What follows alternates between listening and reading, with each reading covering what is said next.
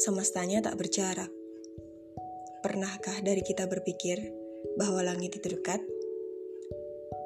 Karena bagi manusia, ia terlihat oleh mata.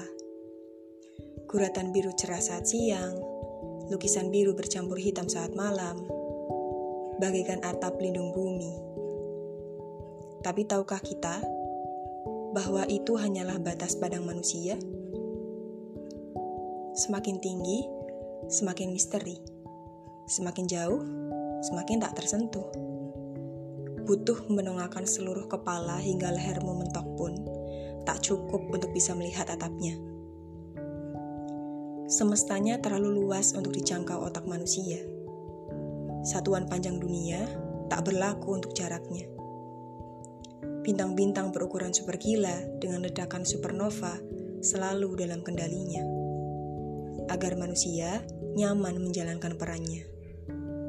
Rigel, Alpha Centauri, dan triliunan teman-temannya terselimut rapi. Lalu kesimpulannya, kalau ciptaannya sebesar itu, lalu bagaimana dengan penciptanya?